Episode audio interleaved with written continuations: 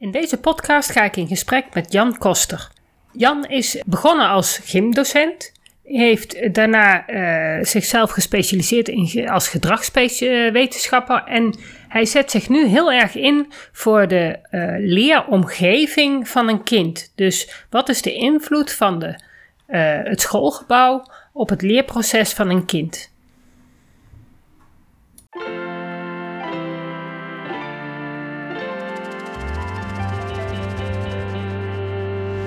Welkom bij de Beelddenkers podcast.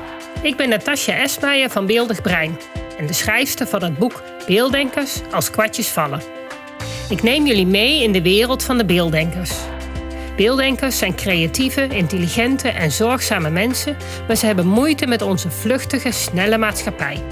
Dat begint al op school en het werkt door in het werkende leven. Ik ga in gesprek met leerkrachten, ouders van beelddenkers en met de beelddenkers zelf natuurlijk.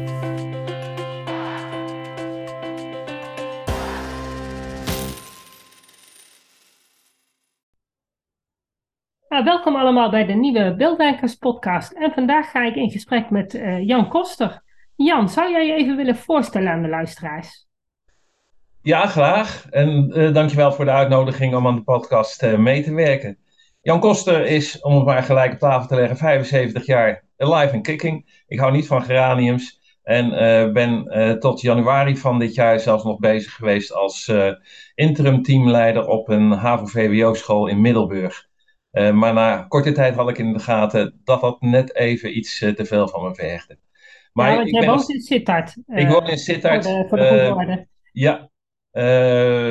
vader van vijf kinderen, samengesteld gezin en elf kleinkinderen. en ja, daarmee heb ik dan gelijk ook een stukje problematiek neergezet. van um, onze kinderen zijn er sowieso twee van de vijf met een speciaal talent. Sommige mensen noemen dat hoogbegaafdheid. Maar we hebben in de gaten dat zes van die elf kleinkinderen intussen ook wel uh, problemen hebben om uh, op school te blijven, omdat ze heel erg creatief zijn. En in het meest uh, schrijnende geval hebben we het over een kleinzoon die in de regio Arnhem woont. En die heeft al ehm, anderhalf jaar thuis gezeten, is nu voor een half jaar weer op een nieuwe school. En hij gaat echt als een speer. Dus het hangt wat dat betreft heel erg af uh, wat de expertise uh, is op een, in dit geval bij Daan, een, uh, een basisschool. Om het kind ook dat te geven waar die misschien wel recht op heeft of waar die behoefte aan heeft. Ja, nou ja, dan is de Beelddenkers podcast natuurlijk de plek waar je moet zijn. Want wij hebben het natuurlijk vaak over thuiszitters en kinderen die uitvallen. Ja. Dus jij hebt daar wel zelf, uit de ervaring spreek jij ook. Maar dat is niet waar we de podcast over opnemen, al kunnen we hem natuurlijk wel goed erbij betrekken. Laten we dat doen. Ja, want wat, wat, wat heb jij in jouw werkende leven gedaan? Ik ben begonnen als gymnastiekleraar. Uh, maar ik had al heel snel uh, de behoefte om uh, achter te komen wat die leerlingen die ik had, en dat is dan met name in het voortgezet onderwijs geweest, ehm, wat ze bewoog, letterlijk en figuurlijk. Waarom deden ze wat ze deden? dus na een studie in Groningen, ehm, waar ik gedragswetenschapper uiteindelijk ben geworden, ben ik vervolgens eens gaan kijken uh, wat er nog meer op de markt was uh, dan alleen maar gymnastieklessen geven. Overigens heb ik daar nog steeds een uh, gevoelig plekje voor in mijn hart. Ehm, bewegen zie je ook terug in mijn loopbaan. ben vervolgens ehm, ja, via allerlei plekken in het voortgezet onderwijs en middelbaar beroepsonderwijs letterlijk ook op allerlei plekken aanwezig geweest. En heb nog een tijd gewerkt bij SLO, uh, het Instituut voor Leerplanontwikkeling en heb me daar uh, kunnen uh, specialiseren als de groene man. waarbij het met name ging om de bijdrage die ik heb geleverd aan de eerste generatie examenprogramma's voor VMBO Groen. wat in de agrarische onderwijscentra ge gegeven gaat worden.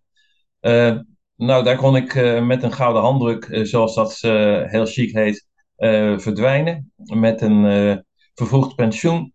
Uh, maar die handdruk heb ik eigenlijk omgezet in startkapitaal van mijn eigen onderneming. En ben in eerste instantie om een beetje hetzelfde gaan doen wat ik bij SLO deed. Maar vervolgens kwam ik op het pad van interimwerk. en ben hier in een van de kernen van deze gemeente Sittard, Geleen, terechtgekomen als interim directeur van een MAVO in Born van het Da Capo College. En ja, daarna is er, tot wat ik net tegen je zei in het vorige gesprek, tot januari allerlei interim opdrachten langsgekomen. van directeur, adjunct directeur, maar ook onderwijsadviseur, ehm, waarbij het accent dan lag op het stukje onderwijsvernieuwing. Ja, en wat is jouw stukje onderwijsvernieuwing? Vind, wat vind jij belangrijk in, wat zou er eigenlijk moeten veranderen in het huidige onderwijs, het reguliere onderwijs? Wat ik heel fijn zou vinden, is dat er een ontwikkeling op gang wordt gebracht, gesteund door een veranderende wet en regelgeving, waarbij het onderwijsmodel wat een groep, uh, een team uh, op een school gebruikt, wordt verbonden met de fysieke en virtuele leeromgeving. Nou, dat klinkt heel erg pedant. Maar wat ik bedoel te zeggen is dat je gebruik maakt van het element leer-ecosysteem, oftewel de maatschappelijke context van het onderwijs gaat vinden. Dus je directe omgeving, het gebouw, de schooltuin, ehm, het park eromheen, maatschappelijke diensten in de wijk, in het dorp, in, het, in het buitengebied waarbij leerlingen ter plekke kunnen leren um, met elkaar, van elkaar, maar ook van andere leeftijdsgroepen. Uh, er zijn hele mooie voorbeelden nu al in Nederland te vinden in integrale kindcentra. Maar dat zou dan meer mogen zijn, naar mijn voorkeur, dan alleen maar kinderopvang en, en basisonderwijs. zeker daar waar het gaat om doorlopende ontwikkelingslijnen en leerstrategieën van, van kinderen en, en, en jongeren, zou ik de verbinding niet alleen maatschappelijk, maar ook in de onderwijskolom ja, veranderd, verbeterd willen zien.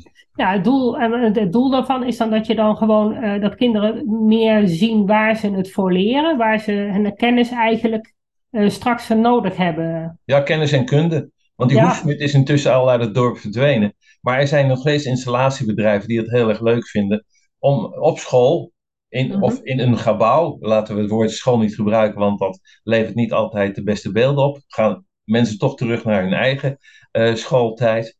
Uh, maar dat je om de hoek bij het bedrijf uh, of bij een, in een bedrijf een collectief kunt kijken als kind, maar ook kunt doen als kind. En dan mm -hmm. aan de hand van een vakman in een gildeachtig systeem je dingen eigenlijk kunt maken waar je later wat mee kunt. Ja, dan eigenlijk als onderdeel van het lesprogramma. Ja. ja. Waarbij dat lesprogramma veel meer op maat wordt gesneden dan het nu op dit moment is. En dan verwijs ik heel erg graag naar de methodiek van de Agora-scholen, waar, waar je veel meer uh, aan de hand van challenges gaat kijken waar je interesses liggen, waar je vaardigheden liggen. En um, ja, waar, je, talent naar voren gaat komen. En dat wil niet zeggen dat je gaat kiezen op basis van alleen maar je cognitieve vaardigheid, maar ook gaat kijken ehm, hoe je praktische vaardigheden zijn. Ja, en hebben we het dan nu over um, middelbaar onderwijs of wil je dit ook al voor het basisonderwijs? Want er zijn natuurlijk twee verschillende poten in Nederland, hè? Ja, je legt gelijk de vinger op de zere plek. Ja we hebben het over verschillende werelden. En uh, als interimmer uh, heeft me dat altijd uh, geïrriteerd, maar ook geïntrigeerd. Waarom doen wij op het voortgezet onderwijs iets anders dan het, op het, het basisonderwijs? de aanpak van de basisschool kan, of is, moet je misschien wel zeggen, voor vele leerlingen een hele prettige. Ehm, maar je kunt er ook variabelen in maken, waarbij ehm, ja, ik niet alleen verwijs naar 10 tot 14 scholen, naar tienerscholen, maar wat ik net ook al zei, uh, richt je vooral op doorlopende leerlijnen. En als ik bij mijn eigen uh, kinderen, maar nu ook bij onze kleinkinderen kijk, uh, ja, is het een beetje met samengeknepen billen dat je tot je twaalfde gewoon moet zitten op die basisschool waar je zit. En dat je niet de mo mogelijkheid krijgt alvast wat onderdelen van het voortgezet onderwijsprogramma nee, te pakken. Nee, dat staat echt helemaal los van elkaar. Ja, basisonderwijs. Aanpak, ja, de, en, ja. ja en daar, daar zit op een school. En dan daarna, nou ja, zoals hier ook, als je in een dorp woont, dan ga je hier gewoon naar de basisschool. En vervolgens zul je naar Doetinchem moeten. Om daar één of twee, ja, heb je keuze nu nog maar twee. Uh, als je maar voor HAVO VWO, twee scholen. VMBO, twee scholen. Ja. Uh, dus daar heb je, die keuze heb je. Dan heb je natuurlijk in de omringende gemeentes ook nog wel scholen. Dus soms heb je keuze uit drie. Ja. Ja, daar moet je het wel mee doen. Maar ja, dat, dat hoeft niet aan te sluiten bij jouw basisschool. Nee. Dat zijn er natuurlijk veel meer. Ja, dus jou, ik heb wel eens iemand gehoord uh, in het groene onderwijs zelf over zwaluwstaarten. Hoe mooi zou het zijn dat die overgang naadlozer zal zijn? Uh, niet alleen op basis van je eigen capaciteiten, maar veel meer op basis van ja, uitdagingen die je kunt gaan stellen. En ja, dan moet je niet ergens een, een, een, een uh, kloof leggen tussen basisonderwijs en, en voortgezet onderwijs. Dat moet een veel meer doorlopende leerlijn gaan worden, waarbij je ook kunt kijken naar je eigen klasorganisatie. Er zijn mensen die graag in, in een collectief met één docent die dan universele kennis heeft als in het basisonderwijs, mm lekker kunnen functioneren. En ja, die, die vinden het dan heel erg vervelend dat ze per uur aan de hand van een toeter naar een ander interessegebied, een vakgebied ja, zouden moeten. Ja, Als je veel meer uit zou kunnen gaan van projectmatige aanpak, of wat ik zei, de challenges van het Agora-onderwijs, dan denk ik dat je een veel natuurlijker proces doorloopt. Nou weet ik dat hier in Doetinchem hebben wij twee nieuwe scholen gekregen, want we hadden er drie. En die hebben ze samengevoegd naar twee. Top. Ik weet dat zeker één van de twee uh, werkt projectmatig. Dus, maar het nadeel daarvan is, uh, het of eigenlijk het, pro het, probleem wat zij op school hebben, is dat ze toch nog vanuit de regelgeving uh, de verplichte vakken moeten aanleveren, maar ook moeten toetsen. Dus ja. je blijft toch in dat systeem zitten van, ja, je moet Frans geven, je moet aardrijkskunde, ze hebben een stuk geschiedenis nodig. En dat is denk ik ook heel belangrijk voor de algemene ontwikkeling van een kind. Maar ik weet dat ze daar al wel projectmatig gaan doen. En ik weet ook, want ik ben er laatst geweest, dat ze daar ook al meer rekening houden met kinderen die sneller uh, overprikkeld zijn. Dus ze ja. hebben daar een, een stiltelokaal waar je gewoon uit de klas even mag en daar naartoe mag gaan. Dus um, nou ja, die ontwikkelingen zijn al wel gaande. En dat zijn gewoon traditionele gebouwen. Um, het zijn gewoon de, de, de, originele gebouwen van de scholen die er uh, al waren. Die, die drie zijn gewoon opgegaan in twee scholen. Uh, ja, ik moet zeggen, ze hebben daar al wel aanpassingen, laat het zo zeggen. Ja. Maar de, de overgang van de basisschool naar de middelbare school, ja, die is natuurlijk nog steeds echt, uh, dat is gewoon één grote zwarte streep. Ja.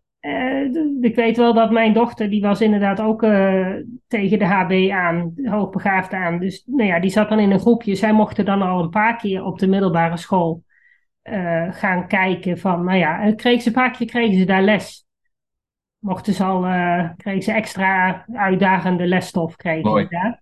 Ja, dus dan, dan is er een, nou ja, warme overdracht niet, want ze is uiteindelijk niet naar die school gegaan. Nee. Maar er was al wel in ieder geval uh, contact. En ik weet dat dat vanuit alle scholen uit de regio, als je je daarvoor aanmeldde, kon je dus inderdaad uh, alvast kennis maken met wat moeilijkere stof. Ja. Dus, maar ja, goed, dus voor de basisscholen zoals het nu geregeld is, best wel lastig om te differentiëren tussen kinderen. Ja, je zou hopen dat dat uh, op wordt gepakt door die eh, scholen voor voortgezet onderwijs. Uh, maar ook uit eigen ervaring weet ik, een van onze kleinkinderen heeft ADHD, dus die zal zijn medicatie moeten gebruiken dat het lezen van een uh, leerlingendossier ook niet tot de gebruikelijke nee, uh, dat is routine hoort van een leerkracht. Dus... Nou ja, en dat is dan inderdaad wat je, dat is denk ik ook per school afhankelijk. Want ook hier, want toevallig dat een van mijn klantjes dus naar die school is gegaan, vandaar dat ik er ben geweest. Ja. Daar was echt wel een warme overdracht. Dus ik weet al dat voor de, voor de zomervakantie hebben ze daar al een gesprek gehad. En dus nu mocht ik dan mee hebben, ze, en waar, hebben we ook weer een gesprek gehad van, goh, ja, hoe gaat het? Wat heeft ze nog nodig? En ook met kind zelf erbij, dat ze ook kon laten zien van, nou ja, weet je, maar dat heb ik nodig en dit werkt voor mij en dat werkt voor mij niet. En, ja. Dus ik moet zeggen dat ze daar best al wel uh, bezig waren met, ja, wat heeft een, het, het ene individuele kind nodig? Ja. Dus ja, dat, ik denk wel dat je per school kan, dat, dat er wel een verschil is.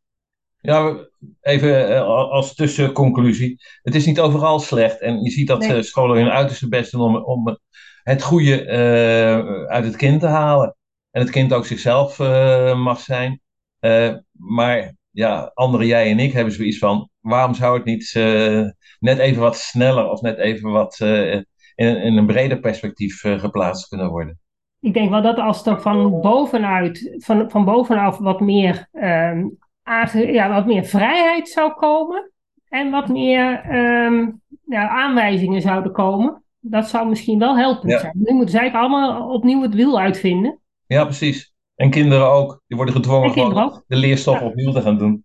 Ja, als ik even op de stoel van, of mijn oude stoel als leerplanontwikkelaar ga zitten, heb ik me altijd verbaasd over het feit dat de kerndoelen van het basisonderwijs eh, eh, de kerndoelen van de basisvorming overlappen, maar dat eh, kerndoelen van de basisvorming ook voor een heel groot gedeelte in de examenprogramma's voortgezet onderwijs zit.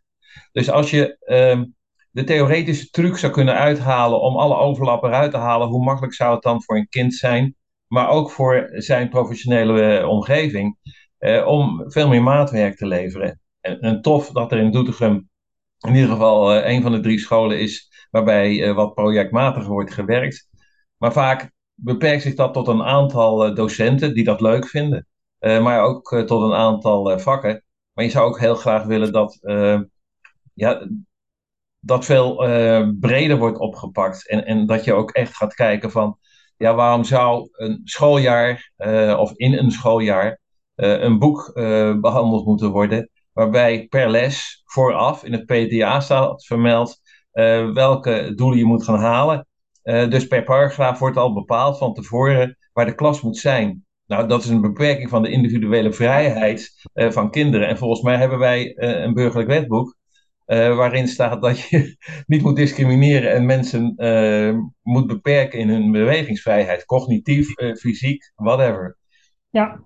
ja, maar ja, goed, dat is ook mijn definitie van passend onderwijs. Dat is onderwijs dat bij het kind past. En, niet, en gewoon echt die natuurlijke ontwikkeling van het kind volgt. Ja. En niet eh, onderwijs, van de waar- het systeem van school waar een kind in gepropt moet worden. Nee, En dat, dat is op de basisschool nog veel meer aanwezig, vind ik dan zelf. Als, ik krijg natuurlijk voornamelijk kinderen uit de basisschool, ook uit Ja. voortgezet onderwijs. Maar dat is toch al wel passender. Ja. Omdat dat toch wel ehm, ja, vaak nog wat meer, meer praktisch is. Of in ieder geval iets beeldender.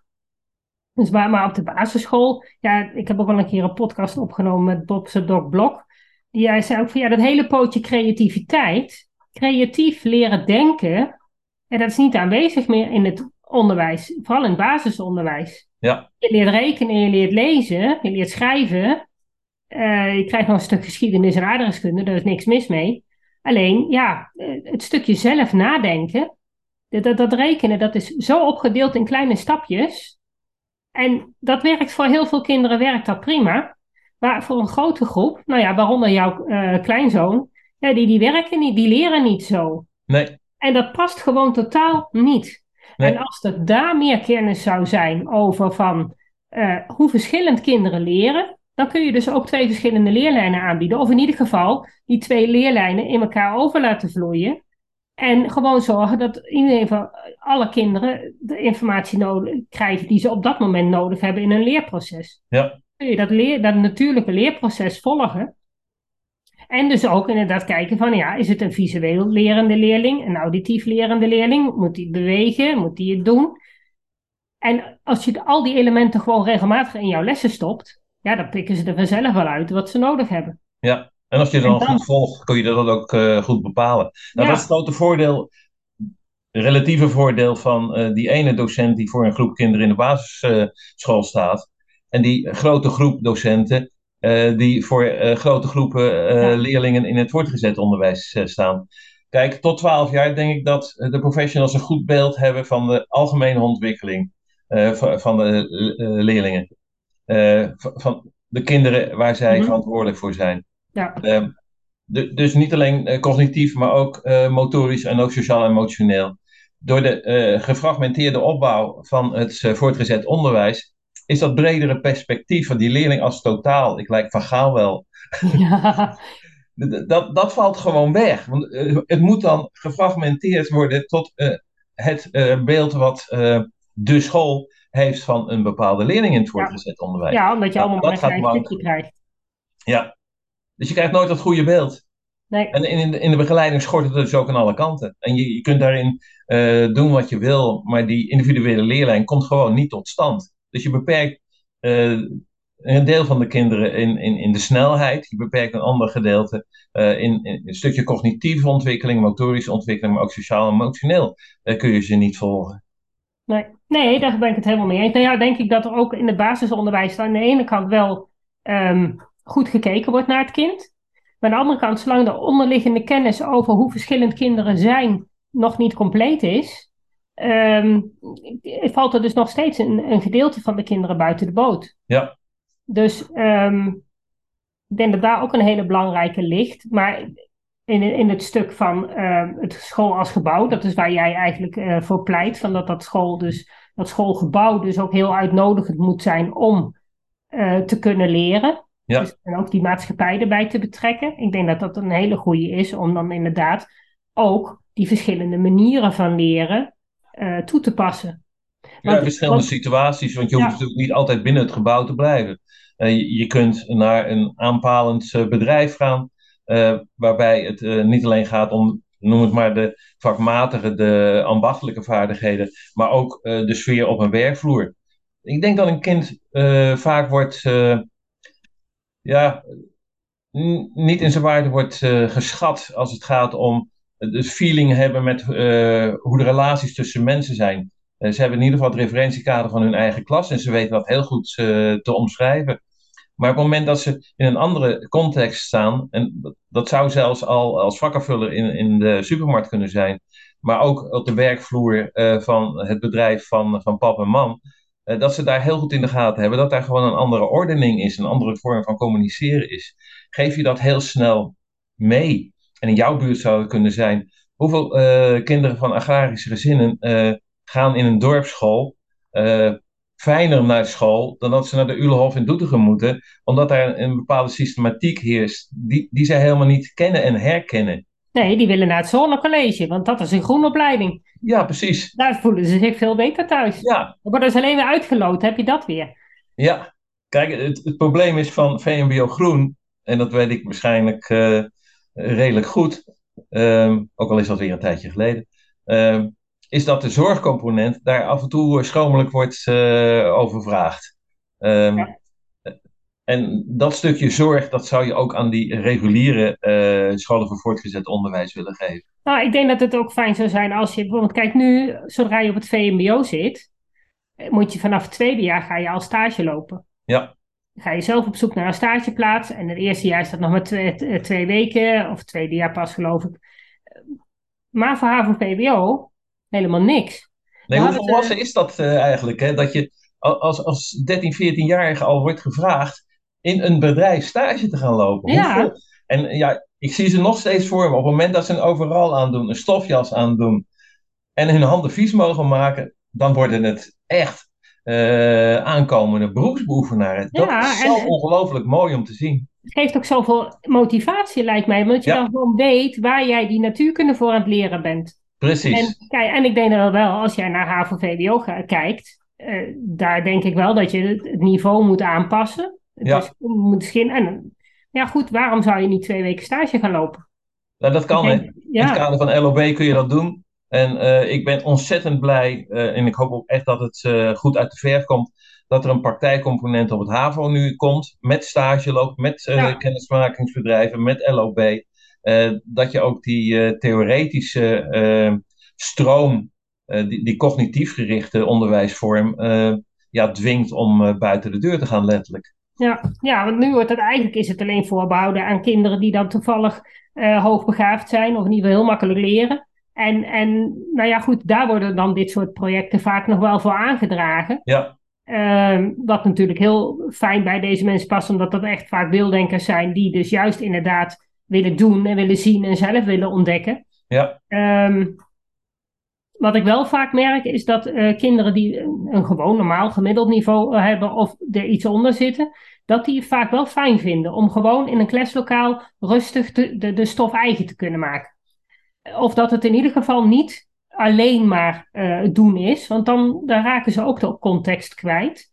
Dus ik denk wel dat er een, een balans moet zijn tussen gewoon in klassikaal leren, waarin je gewoon de kennis tot je krijgt, en een stuk praktijk waarin je kan zien hoe je dat, waar je het straks dus voor nodig hebt. Geef kinderen gewoon de kans uh, die computer, die laptop, uh, een goede telefoon mee te nemen naar het bedrijf. En daar gewoon een plekje te vinden in, in de kantine van de werknemers. En, en daar gewoon te werken. Voor ja. mij bestaat het, het, leren uit, uit doen, maar ook leren, leren vanuit een praktijksimulatie of praktijksituatie. Maar tegelijkertijd hoeft leren ook niet op een vaste plek te zijn. sinds corona weten we dat met online leren we overal kunnen leren. En op het moment van nu dat we kinderen en jongeren, maar ook volwassenen, de keuze kunnen geven om Kijk, zoals wij, uh, online te overleggen omdat de afstand tussen Zelm en uh, Sittard net even te groot is. Ja, ehm, hoe leuk zou het zijn als we elkaar ook een keer fysiek ontmoeten. En misschien uh, met, met nog meer mensen die ongeveer vanuit eenzelfde perspectief naar onderwijs kijken. Dus, ja. dus geef, geef jongeren de kans om de wereld te ontdekken, om zichzelf te vinden. maar reken ze niet af op basis van hun cognitieve prestaties. Nee, niet, niet alleen maar in ieder geval. Nee. Want dat is wat er nu gebeurt. Het is een beetje eenzijdig.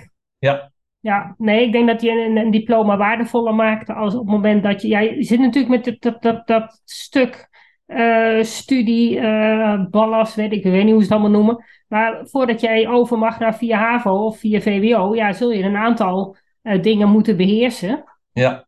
En, maar ja, dat zou best wat breder getrokken kunnen worden. Dat zou je best wat breder kunnen trekken en zeggen van, nou ja, weet je, als, dat, die talen helemaal niks voor jou zijn, nou laat ze dan lekker. Maar zet dan in op iets anders. En zorg dat er iets meer um, ja, dingen bij zitten waar kinderen nu wel. Nou ja, bijvoorbeeld informatica. Het probleem is dat ze daar geen docenten voor hebben. Uh, het is wel een heel belangrijk onderdeel van het leven tegenwoordig. Dan denk ik dat heel veel jongeren al wel uh, redelijk daar gewoon vanzelf al mee uit de voeten kunnen. Nou, precies. Maar dat zou best een onderdeel van, van het, het, lesmateriaal kunnen zijn. Want als je ziet wat ze nu allemaal nog steeds bij wiskunde en natuurkunde allemaal moeten leren. En het zijn vaak heel veel eilanden kennis. Ja. Allemaal verschillende onderwerpen. Ze gaan er als een razende doorheen. Kinderen hebben amper de kans om het zich eigen te maken. Tegen de tijd dat ze eindelijk een beetje door beginnen te krijgen. Oh, nou ja, zo werkt het. Oh, komt er alweer wat nieuws. En ja. vervaagt het dus weer. Ja. Ik zou er meer voor pleiten om te zeggen: Nou, van al die onderdelen pikken we er een paar uit. die we echt goed doorgronden. Daarmee kun je gewoon het brein heel goed stimuleren. Van, nou weet je, zo zit natuurkunde in elkaar. Ga het goed begrijpen hebben ze de rust en de tijd om het ook echt te snappen. En nou ja, de ene zal er sneller doorheen gaan dan de ander. Maar dat, dat altijd maar doorjakkeren. Ik heb dat gezien bij mijn dochter. Die zat op, de, uh, op VWO. Nou, het ging maar door en het ging maar door. En daar moest er een uh, presentatie, daar moest er een, poster gemaakt worden. En daar moest weer een verslag. En dat is gewoon niet vol te houden. Plus dat alle kennis eigenlijk weer verdwenen is, omdat ze het gewoon niet hebben kunnen doorgronden. Ik denk dat daar uh, dat je de spijker op de kop slaat. Op het moment dat je kennis gaat toepassen, uh, zit je op een uh, hoger beheersingsniveau. En ik denk dat je dat in de gaten moet houden. Ja.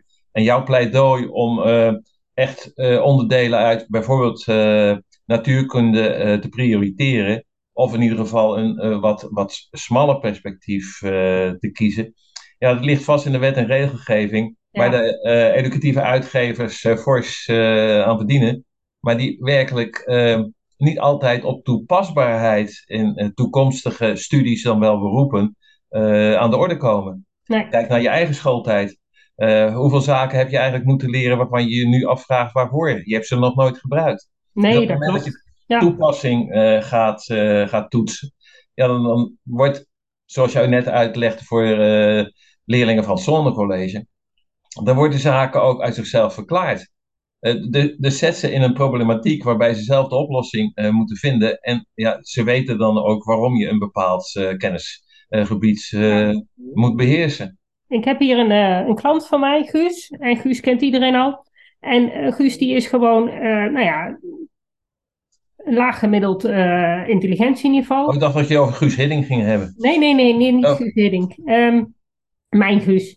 En um, hij is gewoon zo intelligent als jij ziet hoe hij praktisch, want hij zit op praktijkonderwijs, nu het vierde jaar, hij doet heel veel uh, stage lopen. Als je ziet hoe hij met passie kan vertellen over wat hij daar allemaal doet en wat hij mag doen en hoe hij de boel in orde heeft en hoe hij het overzicht kan houden. Geweldig. Dat is gewoon zo waardevol. Ja. Kijk, cognitief zal hij, zit hij nog steeds op rekenen. We doen af en toe wiskunde en dat, dat vindt hij leuk. En dat, uh, maar ja, heel erg ver gaat hij daar niet in komen. Hoeft ook niet. Nee. Want als je ziet hoeveel praktische intelligentie die jongen heeft, Ja, dan moet je dat stimuleren. Ja. Zit hij op een praktijkschool, wordt dat ook gestimuleerd. En hij gaat nu twee, twee dagen in de week stage lopen. En daar leert hij ongelooflijk veel van. Tuurlijk leert hij op school ook wel wat. Maar omdat hij het in de praktijk ziet. Als ik het over oppervlakte met hem ga hebben. En over vierkante meters. Ja, zegt hij. Ja, nee, maar dat doen wij heel anders. Wij doen dat in stappen. En dan Ja. zegt hij, dan gaan in één stap gaan er drie tegels. Dus ik ga eerst Ja, de- stappen tellen. Dan doe ik keer drie. En zoveel tegels moet ik bestellen. Geweldig. Ja, eh, handiger kan het eigenlijk niet. Nee, Dan kan ik me voorstellen dat je niet bij elke les eh, alles praktisch kan maken. Maar, maar, ik denk wel dat het veel meer gaat leven. Ja. Nou, ik heb ook op het eh, VSO en op, op Pro gestaan. eh, waar ik altijd eh, voor heb, ehm, reclame heb voor heb gemaakt, zijn die branchegerichte certificaten. Die worden door de, voormalige leerlingstelsels worden die, aangeboden. En het is zo mooi dat je vanuit de praktijkhandelingen eh, met, met vaardighedenlijsten kunt gaan werken. En jouw Guus en die andere Guusen in, in Nederland en ook de vrouwen, vrouwelijke tak daarvan, op die manier kunt belonen met een eh, diploma wat meer is dan een zwemdiploma A of een veterstrikdiploma. Ja. Omdat ze gewoon aan de praktijk getoetst zijn. En dat brengt me ook nog iets naar wat je eh, daarnet zei.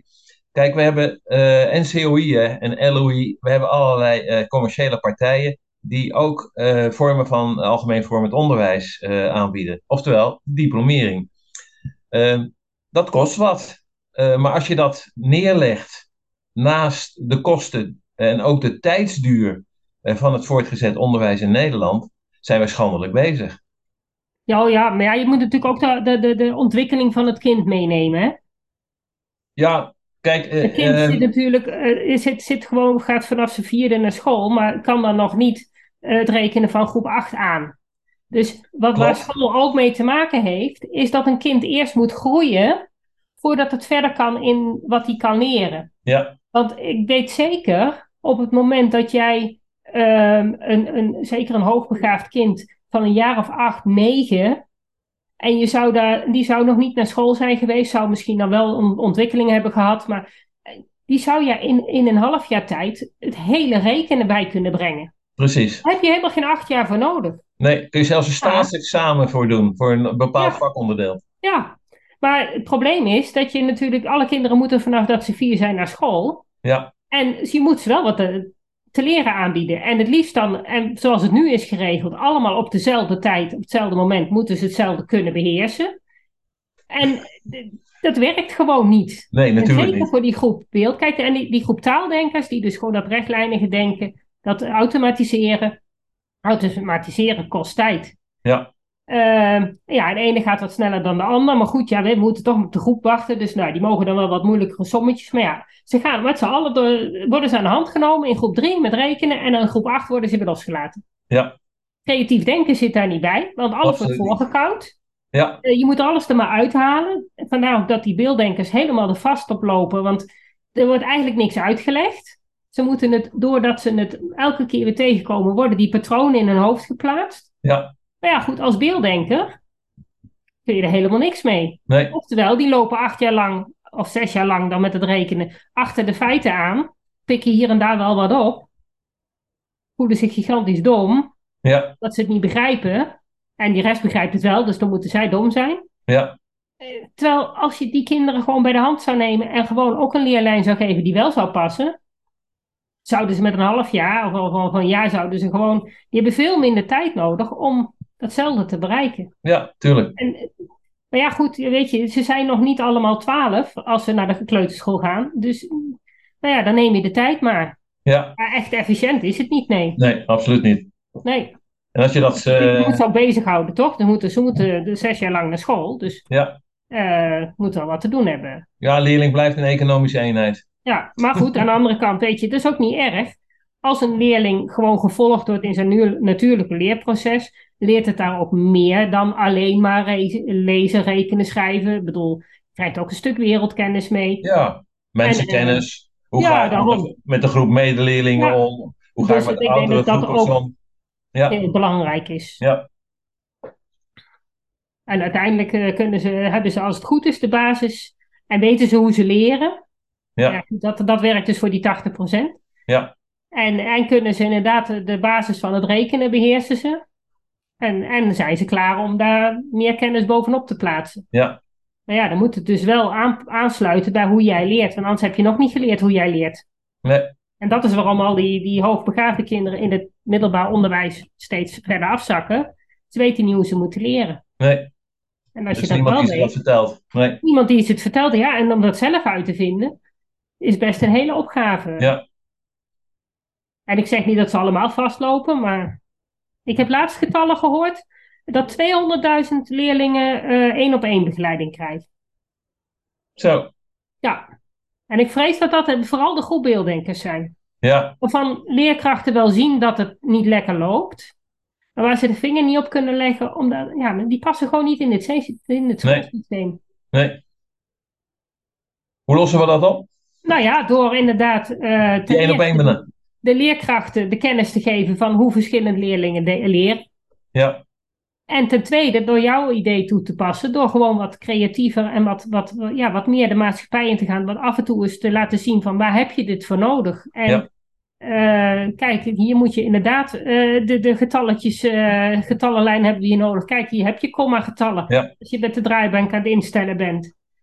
En Of tegels eh, willen leggen of op de je- tegels aan het leggen Ja. bent. eh, ja, Ja. weet je, dat, dat je in de praktijk kan zien waar je het voor nodig hebt. Waar zou je dan moeten beginnen?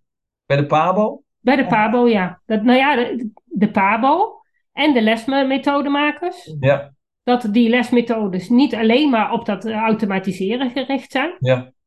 En denk dan toch het stukje beleid van eh, de, de, de, de, nou ja, de schoolinspectie. De, de, de, Ja. beleid, de, de eisen die scholen krijgen. ehm. en aan de ene kant moet er natuurlijk wel eh, controle zijn op het feit of een school goed werk levert. Dat lijkt me logisch. Maar als je ziet hoe bang scholen zijn ehm, om iets verkeerd te doen voor de schoolinspectie. Dat is ook, werkt ook heel belemmerend. Ze durven niet voor een leerling maatwerk te leveren omdat ze er bang zijn dat ze dan op de vingers getikt worden. Ja. Dus daar is ook nog een stukje wat. Nou, is- eh, ik kan je vertellen dat het vaak misplaatste angst is. Kijk, ik heb met mijn voeten in de klei gestaan eh, in het onderwijs, zowel eh, voortgezet onderwijs als allerlei andere vormen daaromheen, tot en met het HBO. De creativiteit van leerkrachten wordt wel in beperkt door de leidinggevende van een school. Als je ehm, collega's, als je docenten meer de ruimte geeft om hun ehm, eigen inzicht, hun eigen eh, vakmanschap eh, in te zetten, dan is er nog heel veel, eh, heel veel te doen. De- dus er he- heerst een bepaalde angst om regels te overtreden, terwijl in de wet en regelgeving toch heel veel ruimte ligt ja, ja, om, om, zaken waar wij het nu over hebben ook voor een deel op te lossen. Je zult niet Ja, alles kunnen klopt. oplossen, maar wel heel veel. Kijk, en dat op dit moment de actuele discussie rondom Agora Underground loopt, heeft alles te maken dat de inspectie niet toestaat dat je onderwijs volledig eh, online geeft. Zij hechten eh, heel veel eh, waarde aan de fysieke aanwezigheid van, van kinderen en jongeren. ja. ja want Agora, eh, Agora Underground is eh Agora-onderwijs. Waarbij je dus kinderen echt loslaat en zelf eigenlijk laat bedenken van, goh, dat wil ik leren. Ja, En underground is dan ook dat het ook nog eens een keer vanuit huis gaat. Dat het dan online gegeven wordt. ja waarbij het 100% thuiszitters zijn.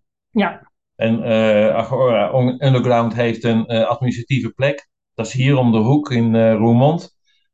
Maar het bedient minimaal eh, 21 eh, kinderen in heel Nederland. En docenten zitten ook in heel Nederland. ja. En het is heel erg effectief voor thuiszitters.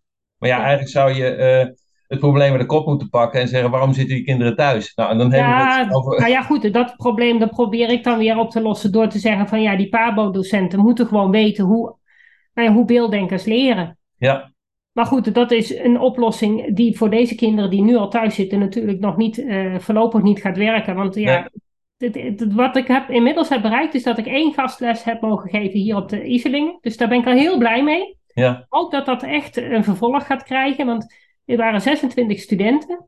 En ze, nou ja, de docent is acht, na, na afloop van mijn praatje natuurlijk even met ze gaan, gaan, gaan kletsen. En ze hadden echt allemaal zoiets van, nou, dit moet gewoon in onze rugzak zitten. Dit moeten wij gewoon weten, standaard als basiskennis. toen jij begon, eh, hadden ze geen enkel idee waar je het over had? Nee? Daar schrik ik echt van. Ja, nee, dit zit gewoon totaal nog niet in het onderwijscurriculum. In, Nee. Maar hetzelfde is, een, een, een PABO-student die heeft geleerd om te rekenen op de lagere school en op de middelbare school heeft hij wiskunde gehad. Maar het is niet zo dat ze op de PABO nog leren hoe het rekensysteem in elkaar zit. Hm. Hoe wil jij dat dan aan een beelddenker gaan uitleggen als je Wat het je zelf eigenlijk niet weet? Ja, Dus vandaar dat dat gewoon, ja, er zitten gewoon hele hi- hiaten in de kennis Ja. van, van leerkrachten. En nou, hoe, die hoeven ze eigenlijk ook niet te hebben, want dat hele leersysteem waar zij uitkomen, dat, dat is nog steeds in stand. Dus die, Ja. die, reken, die lesmethodes, die rekenmethodes, die voorzien ja dat is reproductief eh, werk. Ja, alleen op het moment dat je dus een beelddenker voor je hebt die dus eigenlijk top-down wil weten van ja, maar wat ben ik nou aan het doen met rekenen? Dan moet je dat wel kunnen uitleggen. Maar dat, Ja. dat is lastig, want dan moet je het zelf nog gaan uitzoeken. Nou ben ik daar tien jaar mee bezig geweest. Nou ja, tien jaar, maar gewoon de laatste jaren weet ik waar, wat, wat die beelddenkers nodig hebben. Dus ik heb het inmiddels helemaal uitgesplitst. Ja. Van hoe zit dat rekensysteem nou in elkaar? Ja, Maar ja, als leerkracht, ja, als jij dat op school niet, niet, niet, niet leert, ja, dat zou toch wel handig zijn, lijkt mij, ja. dat je weet van hoe je kan uitleggen wat we eigenlijk aan het doen zijn met rekenen. Ja. Ja, Sorry hoor, eh, maar eh, ik wist dat niet. Kijk, eh, Nee. als, als ik als professional kijk naar een PABO, dan denk ik dat je het juist moet hebben over leerstrategieën. ja, Niet alleen het, het boek pakken en maar paragraaf na paragraaf gaan hanteren, maar ook de verwerkingstijd en de verwerkingsmanier van een strategie wordt niet voorgeschreven door een educatieve uitgever. Nee, dat is het Ja. kind wat dat, wat dat bepaalt. nu wel. Ja, Nu wordt het gewoon, de- het, het systeem op school bepaalt gewoon, de, de lesmethode bepaalt wanneer een kind eh, de tafels te- eh, moet automatiseren, wanneer Ja. het met delen begint, hoe het onder elkaar cijferend rekenen, hoe dat Ja. aangepakt wordt. Dat zit in de methode. ja Ik heb precies. hier een meisje gehad dat, ehm, nou ja, bij mij in de praktijk, nou, we gaan onder elkaar rekenen. Nou, begin je bij de eenheden. Als je over hebt, kun je er mooi bij de buren kwijt. En als je aan het aftrekken bent, kun je er mooi bij de buren lenen. Ja. Nou, snapten ze. Maar op school gingen ze ook onder elkaar rekenen. Maar dan moesten ze eerst de duizendtallen bij elkaar. Dan moesten ze er nou, we hebben 1000 plus 2000, dat is Ja. 3000. En dan moesten ze de honderdtallen, dan de tientallen en de eenheden. Dat kind raakte helemaal de Ja. weg kwijt. Tuurlijk. Ja, logisch. Terwijl anders, op mijn manier begreep ze gewoon wat ze aan het doen was. Nou, nu snapte ze het niet meer, want dan had ze weer over. En waar moest ze dat dan kwijt? Denk toch niet dat ze dat mocht overslaan voor die, door die, van de juf, hè? Nee. Zei van, nou, over drie maanden mag ze dit doen. En mag ze dat nu vast? Nee, want dan gaat het helemaal fout. Oftewel, de leerkracht had geen overzicht meer waar Nee. dat kind dan in het proces is. Nee. Terwijl beelddenkers hebben al die tussenstappen helemaal niet nodig. Nee. Daar raken ze juist van in de war. Ja.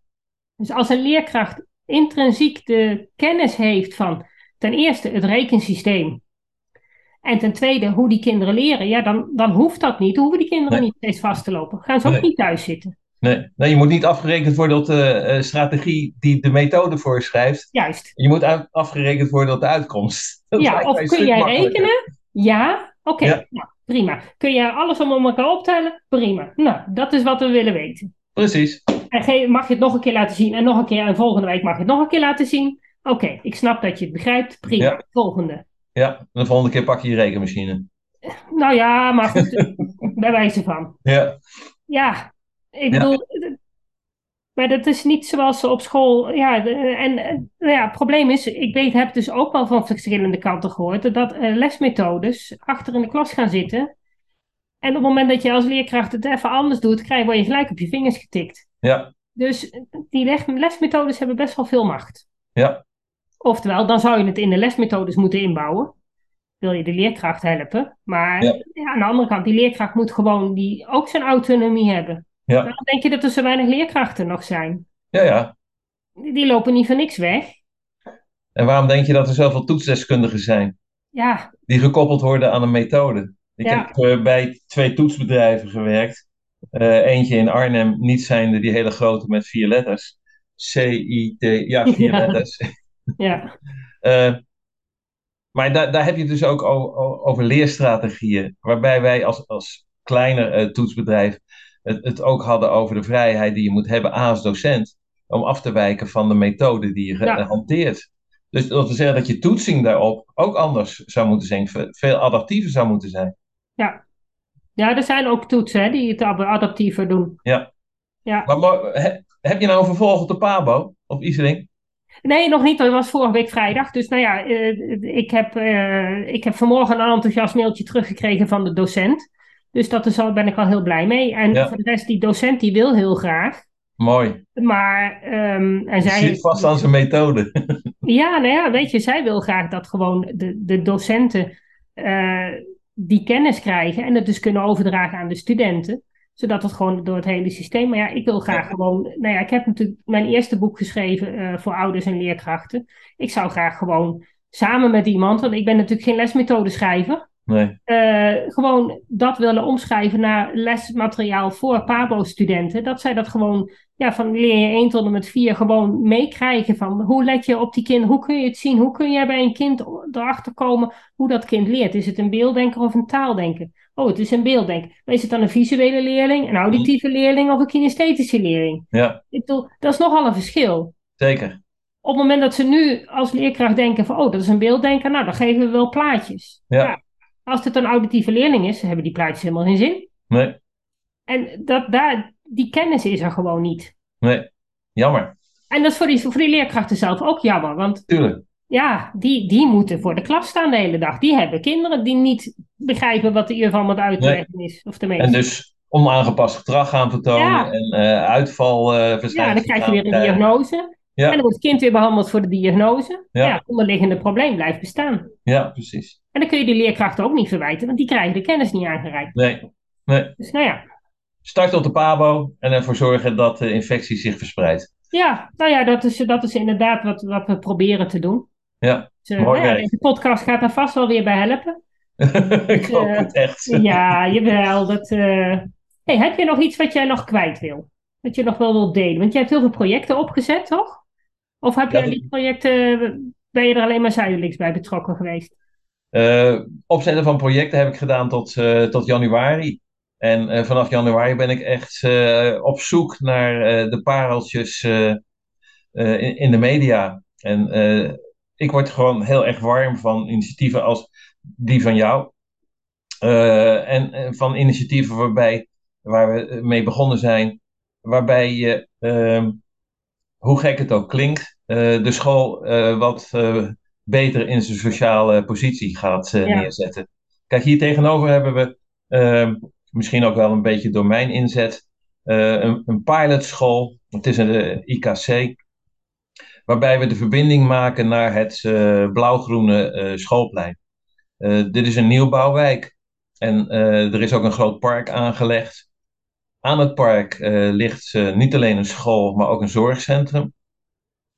Eh, en er is een hele stevige interactie nu tussen beiden. En dat is gewoon heel erg mooi om te zien. En tussen beiden bedoel ik niet alleen eh, de be- bejaarden van het eh, zorgcentrum en de kinderen van de school en de leerkrachten, maar ook met de natuurlijke omgeving. Ja, Ook met het wijkbestuur. En met de gemeente wordt er nu gekeken of er iets verder weg een soort beweegtuin kan worden gemaakt. Eh, of er een schooltuin kan worden aangelegd, waarbij leerlingen kooklessen krijgen en eh, gaan koken met eh, de ingrediënten uit, uit de tuin. Hoe mooi zou het zijn dat je op een gegeven moment een klein dierentuintje daar neer zou gaan zetten. ja, Dus ja, waar ik warm van word, nogmaals, dat is kijken naar het integreren van verschillende maatschappelijke eenheden, waarbij leren een rol kan gaan spelen.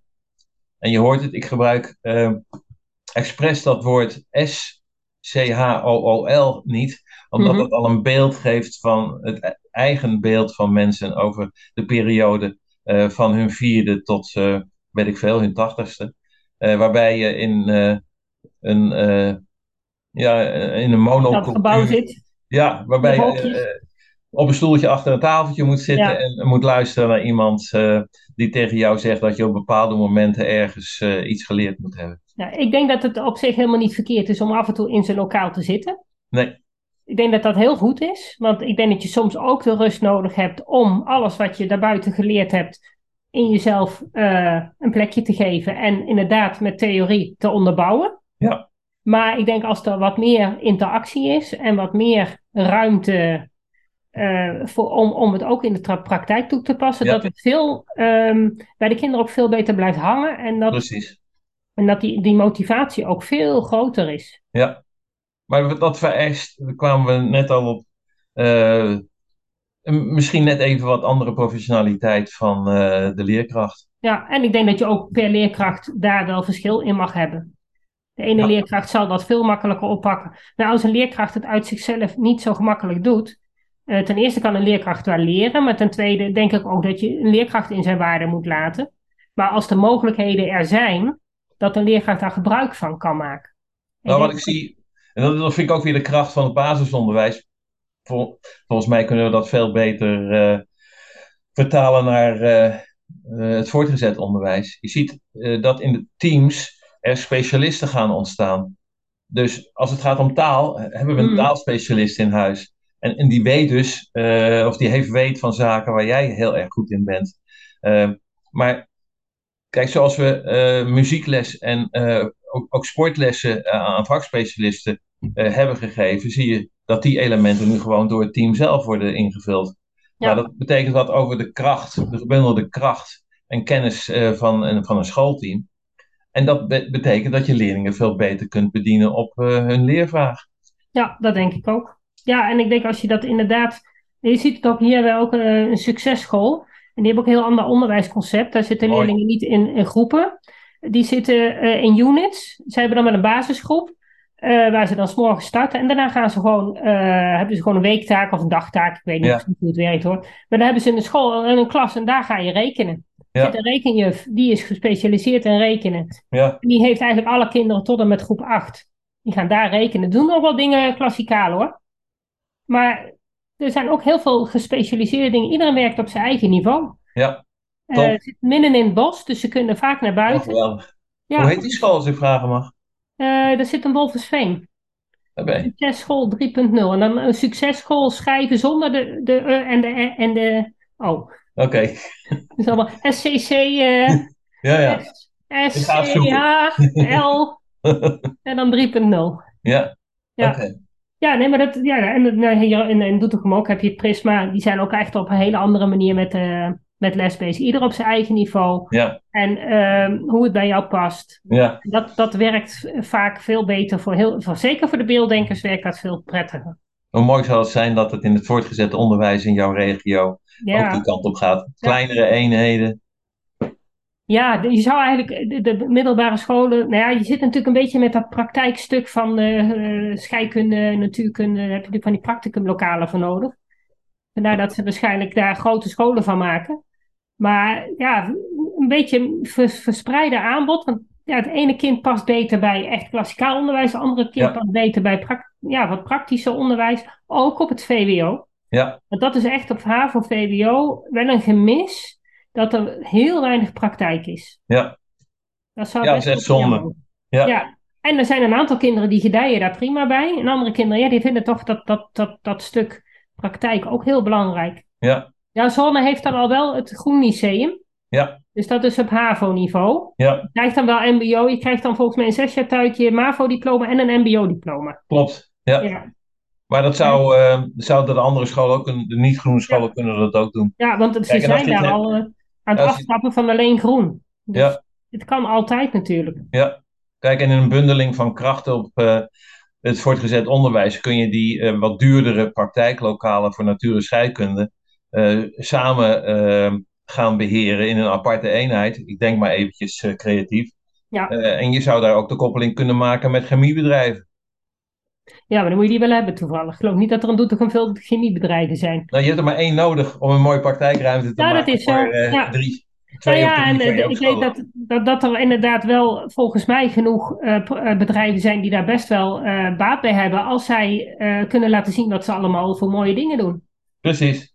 Dus dat, ja, die, die mogelijkheden zijn er. We hebben weer een heleboel nieuwe bronnen aangeboord. Ja, ja. ja, ik zal hem gelijk doorsturen naar de minister. Kan die er ja, dat is goed. beleid ja, op maken. niks te doen dus. ja. Ik uh, wil jou heel hartelijk danken voor dit gesprek. Graag gedaan. Ja. Ik vond het leuk om een bijdrage te mogen leveren. Nou, dankjewel. En uh, Graag gedaan. wie weet tot een andere keer. Ja, wie weet. Succes met je werk. Dat was het weer voor vandaag. Bedankt voor het luisteren en superleuk dat je erbij was. Ik hoop dat je weer een beetje meer ontdekt hebt hoe gaaf, maar ook hoe lastig het kan zijn om een beelddenker te zijn in een wereld die is ingericht voor taaldenkers. Wil je meer weten? Lees dan mijn boek Beelddenkers als kwartjes vallen. Wil je op de hoogte gehouden worden van alle informatie die ik deel over beelddenkers in het onderwijs? Klik dan op de abonneerknop in je podcast-app. Wil je dat dan meer mensen op de hoogte zijn van hoe beelddenkers anders denken? Laat dan een review achter, zodat er steeds meer mensen in beweging komen om het beelddenken serieus te nemen. Heb je nog tips of vragen? Of ben jij of je kind een beelddenker en wil jij je verhaal delen? Laat het me gerust weten. Wil je als ouder of leerkracht echt weten hoe het allemaal werkt bij je kinderen of bij jezelf? Kom dan naar een van de cursussen. Duik helemaal in het onderwerp en kom erachter dat beelddenkers helemaal niet zo anders zijn en best in ons onderwijssysteem passen, als je maar weet hoe ze denken. Ik geef speciale cursussen voor ouders en voor professionals. Voor meer informatie ga je naar www.natasjaesmeijer.nl. Samen gaan we voor een beelddenkvriendelijke wereld.